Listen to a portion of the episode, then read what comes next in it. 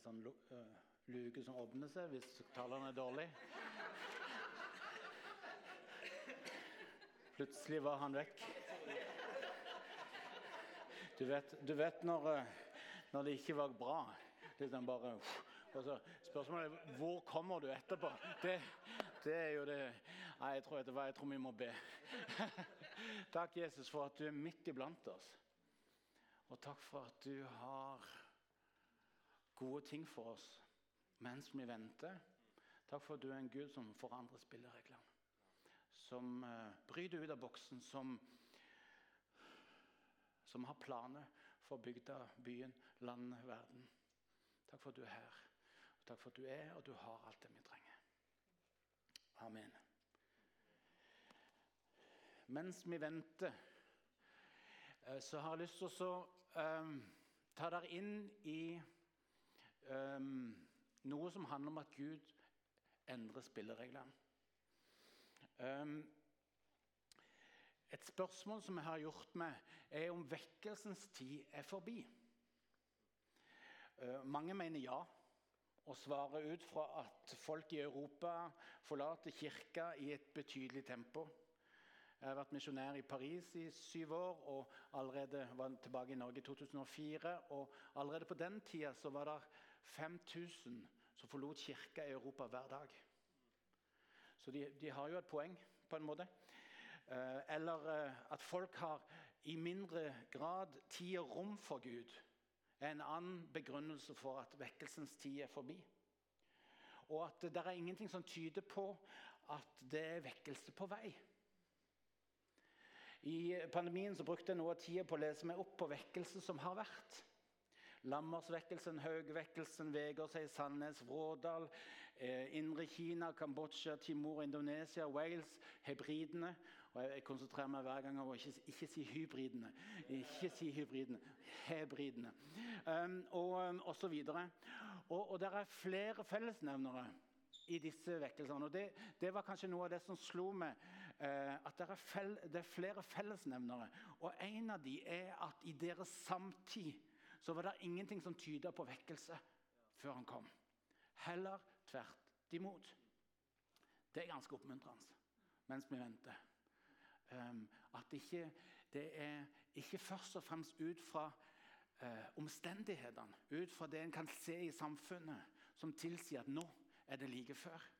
I de, I de, aller fleste vekkelser som har vært, så var det ikke noe sånn som lå i kortene. Så hvorfor skjedde det likevel vekkelse? Og hva kjennetegner kirkas liv i vekkelsestider? Det kan være interessant å se på i, i, i det vi venter. Mange av vekkelsene brøt ut fordi Gud endra spillereglene.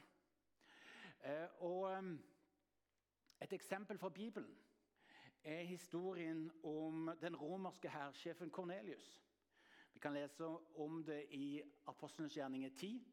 Du må gjerne lese når du kommer hjem. For, for jeg har tenkt å ta det inn i historien og gjenfortelle, så kan du sjekke ut når du kommer igjennom om det stemmer sånn noenlunde.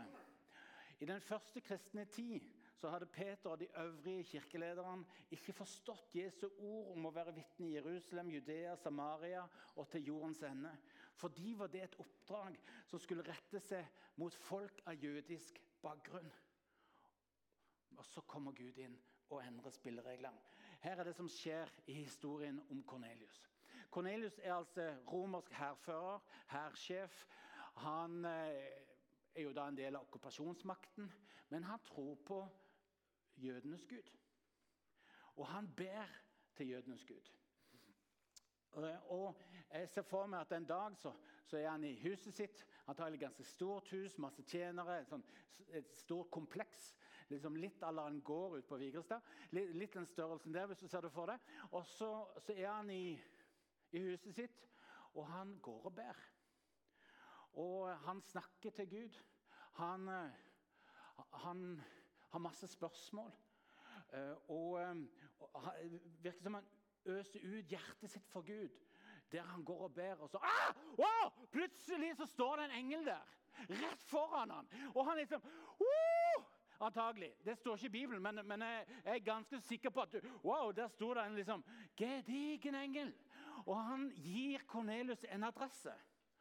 Og sier vet du hva, du må sende noen folk og uh, hente en som heter Simon. Han bor i denne byen, i dette huset, med denne innsjøen.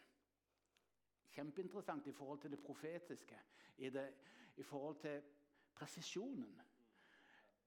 Eh, det er enten eh, galt eller rett, på en måte. I det huset, i den byen, med den innsjøen, er det en fyr som heter Simon. Han må du invitere til å komme hjem til deg, og han kan forklare deg alt det du går og lurer på. Så han sender en del av, av soldatene eller tjenerne av gårde. Og i det huset, i den byen med den innsjøen, så er der Simon Peter.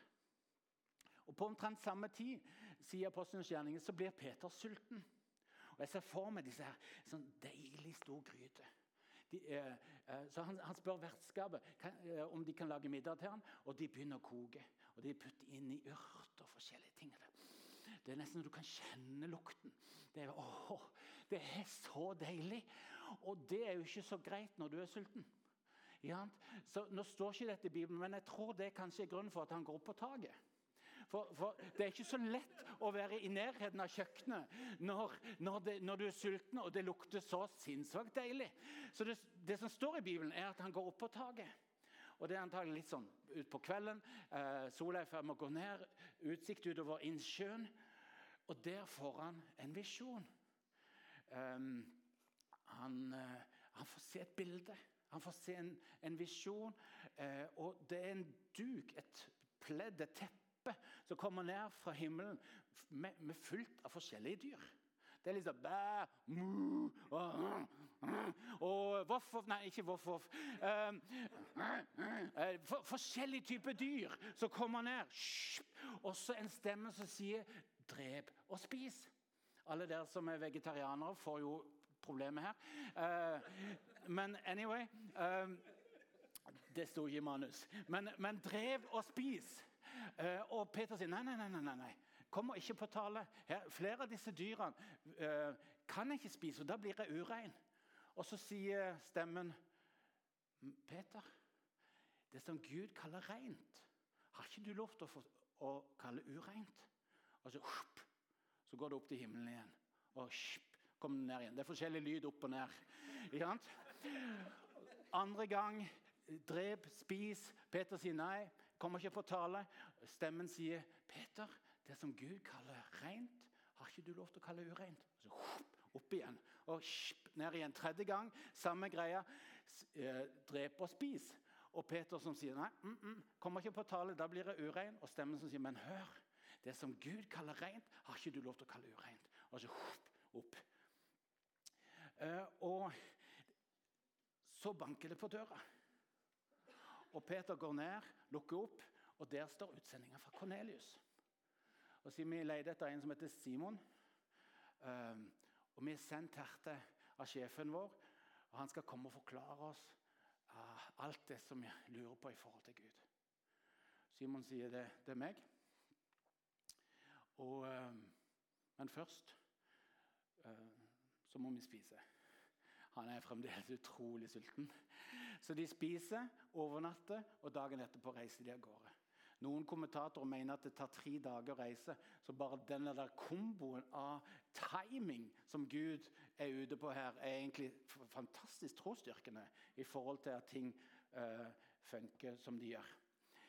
Um, uh, og så idet Peter kommer til Kornelius' sitt hus så skjønner han hvorfor han fikk det bildet. Fordi det, det, er viktig å se hvor mange gode grunner Peter har for å avvise det som han ser. Som en fristelse eller som en forførelse. Han er sulten, og han får et bilde med mat. Tenk deg at En av de unge her kommer til Johan og sier du er faktisk skrubbsulten. Og så, og så så en visjon av mat. Og så, Johan sier mm, ja, øh. ja, Allerede der er det mulig å si mm, det kan være at det er fra deg sjøl. Ser du det for deg? Så, så allerede der så, så mange kristenledere i Norge som har sagt ah, godt forsøk, men eh, gå hjem og øv litt mer. Litt sånn. Og i tillegg så, så går altså det han ser, går på tvers av det han tenker er bibelske sannheter. Det går på tvers av det han tenker er bibelske sannheter. Og det innebærer faktisk at han må synde ut fra sin tradisjon, ut fra sin forståelse av de bibelske skrifter i Gamle testamentet. Innebærer det at han faktisk må synde i forhold til det for å bli en del av dette bildet, visjonen, som han får. Uhyre interessant hvor, hvor, hvor lite det skal til for at det han så ble avvist som noe fra han sjøl eller noe fra motstanderen, eh, i hvert fall ikke fra Gud. Så utrolig lite som skal til. Og så kanskje så vet ikke Peter om det er fra Gud eller ikke, før han kommer fram til Kornelius sitt hus. For der så forstår han plutselig at han er i ferd med å gå inn i et ikke-jødisk hus. Og De andre som er med Peter, sier men vi kan ikke gå inn der. Da blir vi ureine. Det kan vi ikke. Du, Peter, nei, Peter, du går ikke inn der! Og så forteller han om synet på taket. Og så går de inn. Og Så faller Den hellige ånd. Får, han forkynner om Jesus, og så faller Den hellige ånd, sånn at Peter sier Oi, de får Den hellige ånd akkurat sånn som vi på pinsedag. Ikke vet jeg hvordan det så ut, men Peter var ikke i tvil engang om at det er Den hellige ånd, og det er ingenting som hindrer dem i å bli døpt. Så han, de døper hele gjengen. Midt i talen, jeg har nesten ikke kommet i gang, så faller Den hellige ånd. Og det er sånn, ok, men da, det, da dømmer vi dem. Det er mye som ryster oss i luthersk norsk teologi her. Um, og så gjør de det, og så, og så, og så blir dette et vendepunkt. Det, det, markerer altså et vendepunkt i den kristne kirkes historie. Jeg, jeg vil tenke at dette er på topp fem-lista over de mest viktige hendelser i kirkas historie. Hvor Jesu død, oppstandelse og pinsedag er på den samme lista. For fram til da så har kristen tro bare vært for jøder. Og ifra dette punkt, fra denne hendelsen, så er det for alle folkeslag. Noe som var en sinnssykt god nyhet for oss. For en dag, noen tusen år etterpå, så kom den kristne tro til Norge. Og blir avgjørende når Paulus' sin misjonstjeneste fører til det første kirkemøtet, som vi kan lese om i Apostelens gjerninger 15 hvor det virkelig bølger fram og tilbake om det er greit eller ikke at ikke-jøder skal bli en del av den kristne kirke. Og, det er interessant, Jeg synes det er kanondigg at de er såpass ærlige og åpne på alt dette her som skjer. Men du, du, når du leser Apostelgjerningen 15, så, så, går det fram og tilbake. Det ser nesten ut som om de, de kan vel så gjerne havne ned på at det er kun for jøder som noe annet. Og så er det denne historien som gjør at de faller ned der de skulle falle ned og at den kristne tro er for alle, alle folkeslag. Men uten at Peter hadde hatt den erfaringen, så kunne altså de tolv lett ha avvist Guds gjennombrudd gjennom Paulus til folkeslagene. Gud endrer spillereglene, bryter ut av boksen, fremstår annerledes enn det vi er vant til. Og Det er altså tankevekkende hvor lite det skulle til for at kirka hadde avvist Guds ledelse. Det er fascinerende. Et så avgjørende øyeblikk. Og så hadde mange av oss, tror jeg, havnet ned på feil side og sagt at det er neppe Gud. Det kan umulig være Gud. Dette er så annerledes enn det som vi tenker er riktig. At det kan umulig være Gud. Meget, meget interessant. To og to eller tre og tre, sånn som du sitter. På hvilken måte? Snakk om Snakk om på hvilken måte er dette viktig for oss i dag. Hva kan vi lære fra denne historien i dag? Kjør debatt.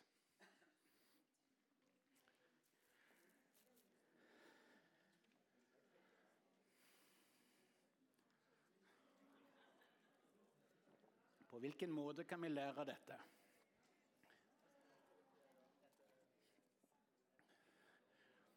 For du som hører det på nett, så skriv ned litt av dine tanker.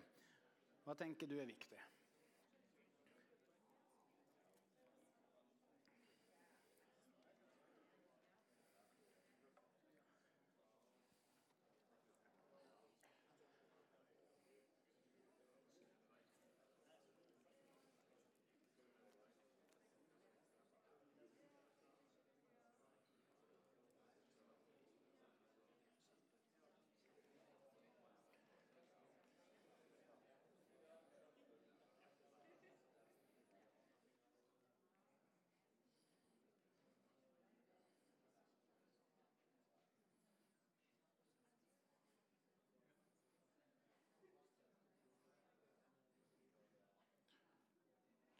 Da er midt på i talen på Vigrestad.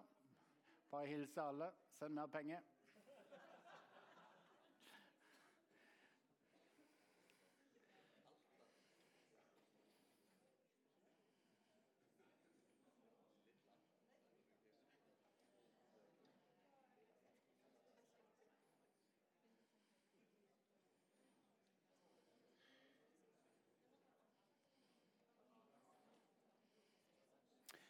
Bra.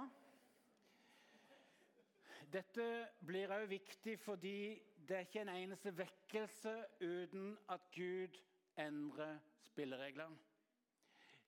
I det vi venter, som er tema, eh, så handler mye om det å forvente. Eh, og så langt har jeg ikke lest om en eneste vekkelse som ikke innebærer at Gud endrer spillereglene. Tegn av under for eksempel, er selve drivkraften i vekkelsene. Det er det oppsiktsvekkende som får mange til å slippe Gud til. I det daglige holder mange Gud på avstand, men godhet, tegn under, vitnesbyrd om forandra liv, konkret profetisk innsikt og en erfaring av Guds kjærlighet lurer seg forbi forsvarsverkene. Når noen i familien blir momentant helbreda, eller når noen får Jesus på besøk når de er hjemme alene. Forresten hørt fire-fem historier om det fra Norge de siste to årene. Folk som har vært hjemme alene, som ikke har kjent til Jesus i det hele tatt. Og så kommer Jesus på besøk, og så er livet forandra. Når det skjer, eller når en får en erfaring av sjokkerende godhet, eller et detaljert profetisk ord, eller får se en person forandra av Jesus, så um, vil de sjøl, de som står rundt, vurdere å åpne opp for Gud. Dette er typiske trekk i, i alle de vekkelsene som jeg har lest om. I vekkelsen på Vegårshei f.eks. Eh, så var en av de store triggerne at mannfolka ble forandra. I, boka om denne vekkelsen eh, 'Det blåser på heia' så forteller hovedpersonen om at det gjorde dypt inntrykk å treffe sin festglade og lett alkoholiserte onkel og se han stå inne i skogen der og grine i takknemlighet over at Jesus hadde flytta inn. Lommelerkene de hadde sånne lommelerker som inneholdt alkohol. De ble nå til salveflasker som de brakte med seg rundt på Sørlandet for å be for syke. Kan du tenke det? Når jeg leste om det, så gikk jeg rett på Finn og så bestilte. Så, og så når jeg fikk den, så, så, så jeg plutselig at wow, det stort kors. Stå, så jeg var skikkelig, skikkelig heldig med grei, denne greia. Så, så, jeg har salveolje på den. Jeg syns det var så kult. Og så hender det at jeg glemmer den i, i, i, i bagen når jeg skal gjennom sikkerhetskontrollen. Oi, oi, oi. Så, flere ganger har jeg holdt på å miste uh, denne her nei, denne her må vi nok ta, den er for stor. Ja, men, og, og så jeg bruker den, Det er sånn salveolje. Jeg, jeg, ber for syke, og så bruker jeg den. Og han bare um, uh, går, går det greit at vi heller det ut? Og så får du beholde den. Ja, det går veldig fint. Så jeg prøver å huske. Så når vi skal til Kambodsja, så må vi huske å legge den i storbagasjen. Ikke ha den i håndbagasjen. Men, men super, super eh, interessant hvilken forandring det skjedde med mannfolkene på Vegårshei. Fra å ha alkohol på innerlomma til at det ble salveflaske. Og de reiste rundt hele Sørlandet for å be for syke. Uh, og så fortelles det, det er en rørende historie i slutten av den boka hvor um, stor, en av storbøndene på, på, på heia på Vegårshei um, reiser langt inn i skogen. Det er sånn februar. Uh, vinteren har vært ganske hard. Og Han reiser inn til ei av enkene som bor alene inne i skogen. Eh, veden er i ferd med å ta slutt, eh, og maten er i ferd med å ta slutt. Og, og der plutselig en dag så ser hun storbonden komme med en kjelke. Og, og kommer opp i tunet og kommer opp til huset hennes. og hun, hva i all verden, hva gjør han her? Hva har skjedd? Han banker på døra og sier du, i dag skal du flytte hjem til storgården. Og hun sier hva? Hva, hva har skjedd? Uh, storbonden sier har du ikke fått det med deg? Nei. Jesus har flytta inn på gården. Det sies at ingen enke bodde alene på heia etter at vekkelsen brøt ut. Nydelig. Hvordan det setter spor.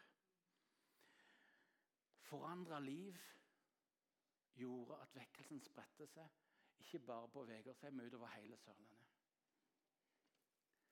Bønn er en av de tingene som er veldig sentralt i, i forkant av vekkelse.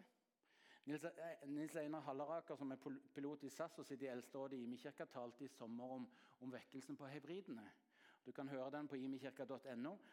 Eh, og I boka 'Beveg verden ved bønn' så skriver Wesley Duell fra denne vekkelsen og skriver at eh, to eldre kvinner i landsbyen Barvas på øya Louis høres ikke ut som verdens midtpunkt, på en måte.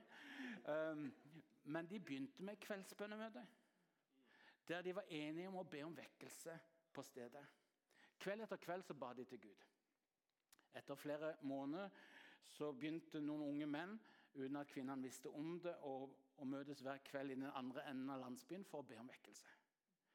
Mens kvinnene fortsetter å be, så åpenbart til Gud fordi at de skulle invitere en pastor, Duncan Campbell, og at han skulle komme over fra de britiske øyer og til Barvas.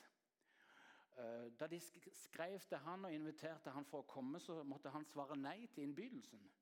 Ettersom han hadde lovt så mye annet. Han var fullbooka ut store deler av året. De to eldre damene skrev tilbake og svarte. Du sier at du ikke kan komme, men Gud sier du kommer. Kult. Du kan si det sånn at både taleren og Gud kom til øynasjonen. Og det forandra samfunnet. Det forandra samfunnet. Vekkelsen i Wales starta med at kristne begynte å be Jesaja 64, vers 1-2. Hvis du vil, så kan du slå opp det. Så skal vi lese det sammen. Jesaja 64, vers 1-2. Fordi en, en lærer ganske mye om vekkelsens natur gjennom de enkle versene der. Så Det sies at i et år så ba de disse to versene før det brøt ut eh, og ble en av Europas største vekkelse. Og I Jesaja 64, vers 1-2 så står det Ville du bare flerre himmelen og stige nær, så fjellene dirra for deg. Så når ilden setter fyr på kvistene, så når ilden får vannet til å koke, for å lære dine motstandere å kjenne ditt navn. Folkeslag skulle skjelve for ditt ansikt når du gjorde skremmende gjerninger vi ikke venta, og steg ned, så fjellene dirra for deg. Jesaja 64, vers 1-2. Og Flere av de røde trådene i, i vekkelsene blir synlige gjennom denne bønnen som kommer ut fra disse to versene. For det første dette, dette igjen med at Vekkelse baserer seg ikke på om samfunnet er positiv eller ikke til Jesus-troa. Den kommer ut fra at Gud setter noe nytt i bevegelse. Flær himmelen, stig ned, ryst fjellet. Og Det ser heller ikke ut til å være viktig å være egnet som kristen leder eller en velrenommert predikant eller lignende. Trenger ikke være diskvalifiserende. Både Lammers og Hauge var, var dyktige kommunikatører og, og, ledere. I hvert fall så ble de det etter hvert. Men det er ilden det kommer an på. Det er ilden det kommer an på. Sånn som Jesaja-teksten sier, som når ilden setter fyr på kvistene, som når ilden får vannet til å koke. Verken kvistene eller vannet er viktigst for å få maten klar, men, men ilden. Om presten Lammers, som leda en vekkelse ut fra Langesund-Skien, og som ble starten til flere av, av da, eh, dagens kirkesamfunn, så sies det at en åndserfaring under et studieopphold i Tyskland satte fyr på fyren. Og Denne ilden preger budskapet hans, sånn at hjertet, hjertet ble berørt til levende Jesus-tro. Det, det, var noe som hadde skjedd. Det var det, uh, Forkynnelsen han bar på en annen måte. Han betegnes som en ganske sånn kjedelig fyr, men så var det ild i det. For Gud satte fyr på det. Eh, mange av dere har fulgt med på Asbury eh, Revival, som, som er dette møtet som, som eh, de sliter med å få avslutta. Um, det, det, var interessant å høre den talen som han fyren holdt um, på det møtet som egentlig skulle vart i et par timer, som nå gikk i hvert fall ti dager. Uh, og så um, det er gøy at han sier at oh, I'm running out of time. Hei på slutten Oi, jeg må be. han skulle bare visst. Famous last word. Men, men det som han uh, underviser, var kjempeinteressant. Det er en lang liste fra Romerne 12,9 og utover om egentlig en del som burde og skulle-ting. Elsk din fiende og en del sånne ting. Og så sier han på slutten men ikke prøv å fikse dette sjøl. La Gud få elske deg, sånn at du kan elske dine fiender. Fantastisk nydelig. Eh, og han heter altså Zack Merkrebs. altså, det, det skaper så tro i meg. Det skaper så tro at, eh, at, at Gud tar en eller annen sånn helt ukjent ungdomspastor i en by på 6027 innbyggere, hvor 1500 av de er studenter. Og så, så slår han ned på en sånn måte at det skaper lengsel i hele verden. Det tar et par dager, og, og, og hele verden er klar over hva som skjer i den lille byen. Og, og, det begynner så smått å spre seg til andre steder. Om det er en vekkelse eller ikke, jeg har ikke peiling. Uh, jeg tenker Det viktigste vi gjør i møte med vekkelse eller i møte med ting som skjer, er å ikke konkludere for tidlig. Og Det er jo kjempeinteressant å se hvor folk konkluderer i hytt og pine. Uh, både at dette er ikke fra Gud, og det, nei, det er utrolig mye gøy der ute. Um, og jeg bare tenker slapp av. Uh, og, og, og, gi det litt tid, uh, sånn at vi ser hva det er. Men det interessante her er at Gud bruker en bitte liten by igjen. Altså Asusa Street-vekkelsen er han fyren som ikke fikk lov til å gå på, på bibelskole. Og som, som fordi han var farga. Han var afroamerikaner, som det heter i dag. Eh, og, eh, og så bruker Gud han til noe som så langt er blitt 750 millioner pinsevenner. Kan du tenke det? Og, og det, det, det, er egentlig et bilde i det aller meste. Altså, eh, Hans Nilsen Hauge var en ung jypling som, som, som gikk på, på, ut på jorda og pløya. Og så slår Gud ned i så stor grad at det tok elleve år før han klarte å skrive ned det som hadde skjedd. Og, Selv da så dirrer det når du leser beskrivelsen av det møtet med Gud og den åndsfylden og det, det, det, det som skjedde ute på marka der. Mora hans trodde han hadde klikka fullstendig. Han, han, var jo knockout i flere dager. og de, de, Det var like før de sendte ham på sinnssykehuset. Um, det, gjennom, det, det, det, skaper tro i oss fordi Gud bruker helt vanlige folk til enormt store ting. Og det, kommer ikke an på hvem vi er og hvem vi ikke er, men det kommer an på Gud og ilden. Og ilden. Så mens du venter, så la det, det skape tro i deg. At Gud kan gjøre mektige ting gjennom deg.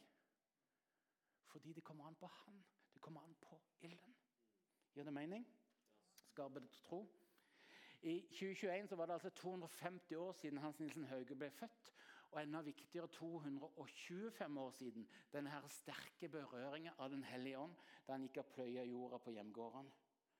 Og Norge ble aldri den samme etter at Haugevekkelsen fikk spre seg. Fascinerende. Fremdeles i dag så kan du se hvilke bygder han og, og folkene hans var i, og hvem de ikke kom til. Altså Forskjellen på Dirdal og Oltedal er påfallende. Og Oltedal har ekstremt mye ungdomsproblemer, og Dirdal har nesten ikke en ikke-kristen. For å få tegne det sånn passelig mye. Men, men, eh, men, Hauge var det ene stedet, og ikke det andre stedet. Enormt, Tenk deg da. Over 200 år seinere så kan en ennå se forskjell. Wow. Og i løpet av, av, dette jubileet eh, som var i 2021, så, så var det mange kristne ledere som sa ja, ja, men han, han sto på Guds ord. Det er det som er forklaringa. Og jeg tenkte ja, det, det høres riktig ut, men, men, det var ikke hele greia. Men, men, men det var liksom sånn hele tida Guds ord, Guds ord, Guds ord. Og så tenkte jeg hm, um, her er det noe går, som går oss hus forbi. Og så var jeg på dette Haugesenteret i um, Tune i Østfold. Eller hva de kaller de kaller det ikke Østfold lenger, men ikke Viken eller noe sånt. Uh, hvis ikke de har forandret det tilbake, da. Det,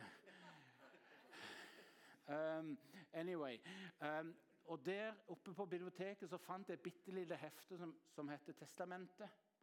Og jeg kjenner Wow!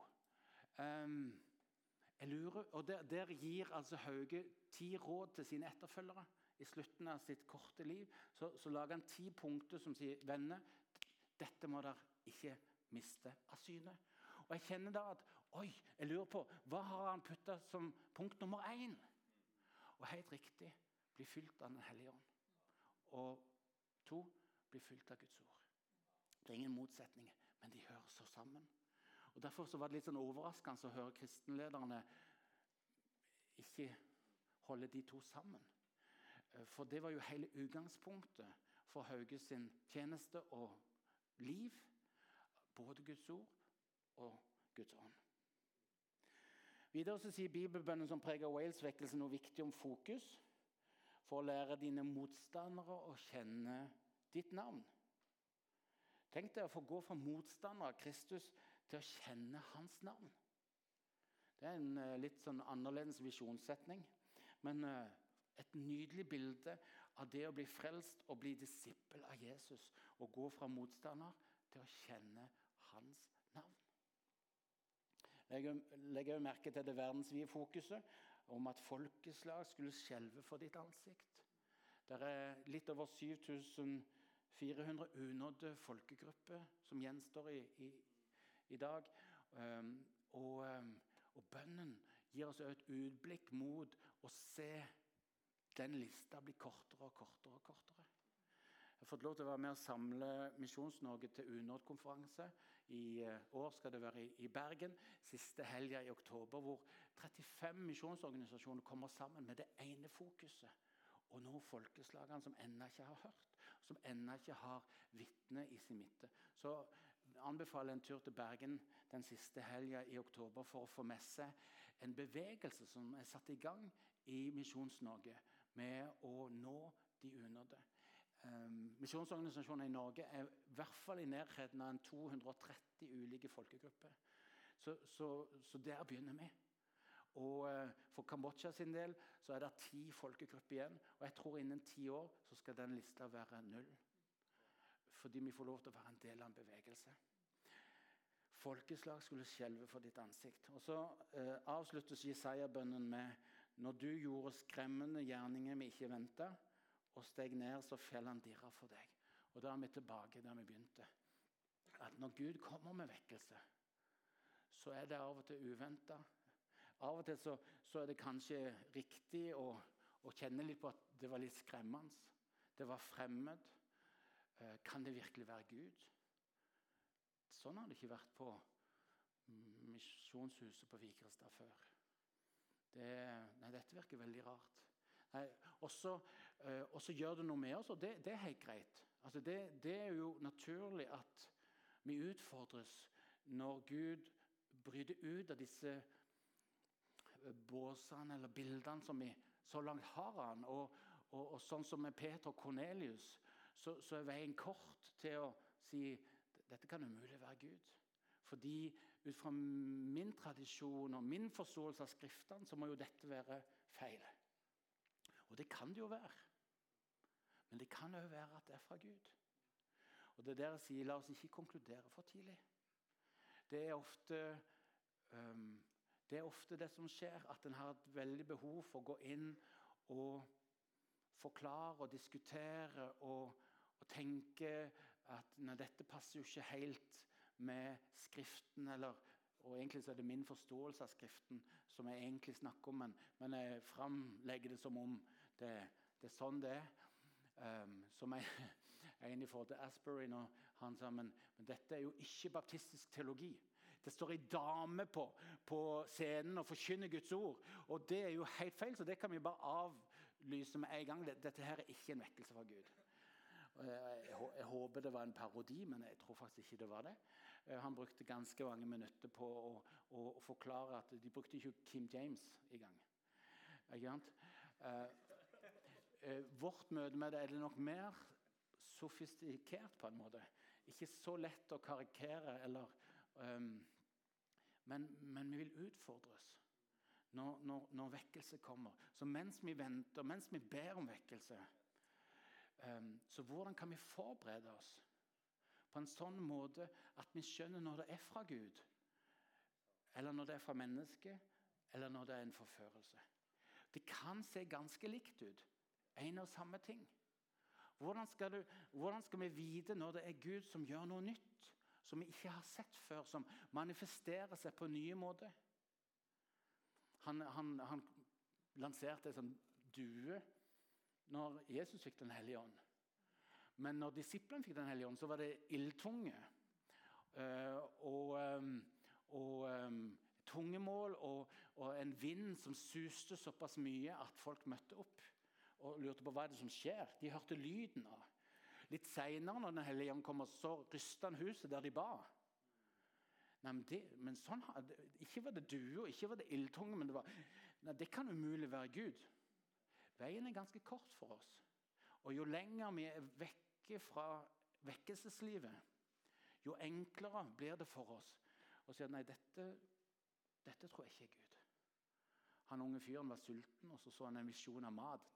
Det, ja, så, så, er vi der. Så hvordan, hvordan, skal vi, mens vi venter, mens, mens vi ber hva, um, Hvordan kan vi forberede oss sånn at vi kan forvalte vekkelse når han kommer? Og Jeg tror vi får vekkelse i Norge. Ikke fordi jeg ser noe særlig tegn på det, men fordi jeg kjenner Gud. Og jeg kjenner at det er lengsel i Guds folk. Så, så min bønn er egentlig ikke å komme med vekkelse, men Gud gjør oss klar. Så vi kan forvalte det sånn at den neste vekkelse får lov, lov til å gå dypt og bredt. Sånn at vi er mange nok som sier men ja, det er litt fremmed, men la oss bare bære vekkelsen ut. La oss gå ut og, og uh, be for syke og fortelle vitnesbyrd om hvorfor vi tror på Jesus. og La flere komme til tro og, og se etter godhetsmuligheter. La, la, la, oss, bare sende folket ut og, og, se hvor langt vi kan spre dette. For nå er det en åpenhet i folket. Altså, um, jeg ber om at vi må være mange nok i Norge som klarer å si men ah, ja, det er litt annerledes. Men kom nå, la oss stå sammen og la oss bringe Jesus ut. Og så, og så får det være litt merkelig. Jeg skjønner ikke alt det heller. Men la, det, la oss vente og se. Det ordner seg nok, og det gjør det jo ofte. En skjønner litt mer lenger ned på veien. Så, så ikke la oss konkludere for tidlig, venner, men, men la oss bringe Jesus ut. Så min bønn er at vi må være klar nok. Jeg vet ikke om vi noen gang blir klar, men, men at, vi, at vi må være forberedt. At vi har en aktiv venting. For enhver vekkelse starter hos Gud og drives fram av Gud. Og Vår rolle er å lytte og så la Gud lede an. Enhver vekkelse begynner vel så mye med at Gud taler, enn at vi taler ut våre bønner. Det er veldig mye nåde i det. Det er ikke det at han, han belønner de som ba så fryktelig. Men, men han ser at oi, disse, disse har forventning til jeg skal gjøre nå. Så, så, helt uavhengig om de kommer fra stort eller lite sted, så er det sånn Men da, de, de, tror jeg kan så noenlunde ta vare på det jeg gir. Og så, og så slipper han det løs. Hva gjør du nå, Gud? Blir da et av våre viktigste spørsmål. For det er ikke så ofte Gud kopierer en vekkelse. Så spørsmålet vårt må være hvordan vil, du, du skal, hvordan vil du det skal se ut denne gangen, Gud? Hvordan vil du gjøre det denne gangen? Vet du hvordan du gjorde det på hybridene, hebridene eh, i Wales og i Kambodsja og eh, på Vegårshei og i Sandnes og osv. Jeg vet hvordan du gjorde det i Hauges i tid, men hvordan, hvordan, vil du gjøre det nå? På Vigrestad? På, på Jæren? I Norge? Hvordan vil du gjøre det nå? Gud kan jo igjen finne på å bruke folk du ikke har hørt om, og manifestere seg på underlige måter. Hva bibelvers vil du gi ditt folk i dag? Det var Jesaja 64 for de i Wales. Jeg er ikke så sikker på om, om det er på en måte eh, Da er det bare å be det, og så kommer det. Det, det er religion. Mens han inviterer oss til relasjon. Så hva, hva bibelvers vil du gi ditt folk i dag? Og Det kan være det blir forskjellige bibelvers her og der og rundt forbi. Hvordan vil du lede oss denne gangen? På hvilken måte vil du endre spillereglene og åpenbare det for folket denne gang, Gud? Så vil han sannsynligvis manifestere seg på underlige måter. Igjen bryte ut av mønstrene våre. Igjen så virker det fremmed og rart. Kanskje. Sannsynligvis. Da er det viktig at Guds folk vet å bruke tid i Guds nærvær for å kunne gjenkjenne hans stemme. Og være vel kjent i Guds ord. Så da er vi tilbake til Hauges punkt 1 og 2. Bli fylt av Guds ånd, bli fylt av Guds ord. Og i det så håper og tror at jeg skjønner at det er Gud når det er Gud. Tenk om jeg blir blant de som, som melder meg ut fordi jeg ikke skjønte at det var Guds bevegelse. Jeg vet ikke om det er frykt, men, men det er en sånn Gud Jeg vil ikke være blant den gjengen som sto opp og sa nei, dette kan umulig være for Gud. Det er ikke sånn det skal være. Og de er der i alle vekkelser. Og, og vi, så, vi, vi, ser konturene i Ashbury, hvis du følger litt med der. Så ser du akkurat de samme tingene som skjedde rundt Vegårshei. Tvedestandsposten var ufin med vekkelsen. Var, var, var, var, så negativ. Gikk rett i klinsj på første side. Igjen og igjen og igjen. Noe av det samme som vi så rundt Descent uh, uh, i, i fjor sommer. Mye av det der trøkket på skepsis uten å, vite, uten å kjenne, men, men bare sånn mm. Så det gir oss noen bilder av hva som antagelig kommer neste gang òg. Så hvordan, hvordan um, Også er det deler av kirka som melder seg på. Dere som er lærertype, dere må be ekstra mye. Det, det, er ofte dere som kommer fram med, med Nei, det, dette er ikke Guds ord. Det, dere må be enda mer enn oss andre. Eh, og jeg tror det er en invitasjon til oss alle til å søke inn til Gud for å gjenkjenne Han. Gjennom å være fylt av Hans ånd og være fylt av Hans ord. Så da tenkte jeg at vi skulle lande det hele i å øve litt sammen. Og rett og slett bare hvile i Guds nærvær. Um, hvor du skal slippe å tale, snakke, be. Uh, men rett og slett bare hvile og la han tale, og la han handle. Kanskje vil han gi noen av dere det bibelverset som, som er for Vigrestad å be.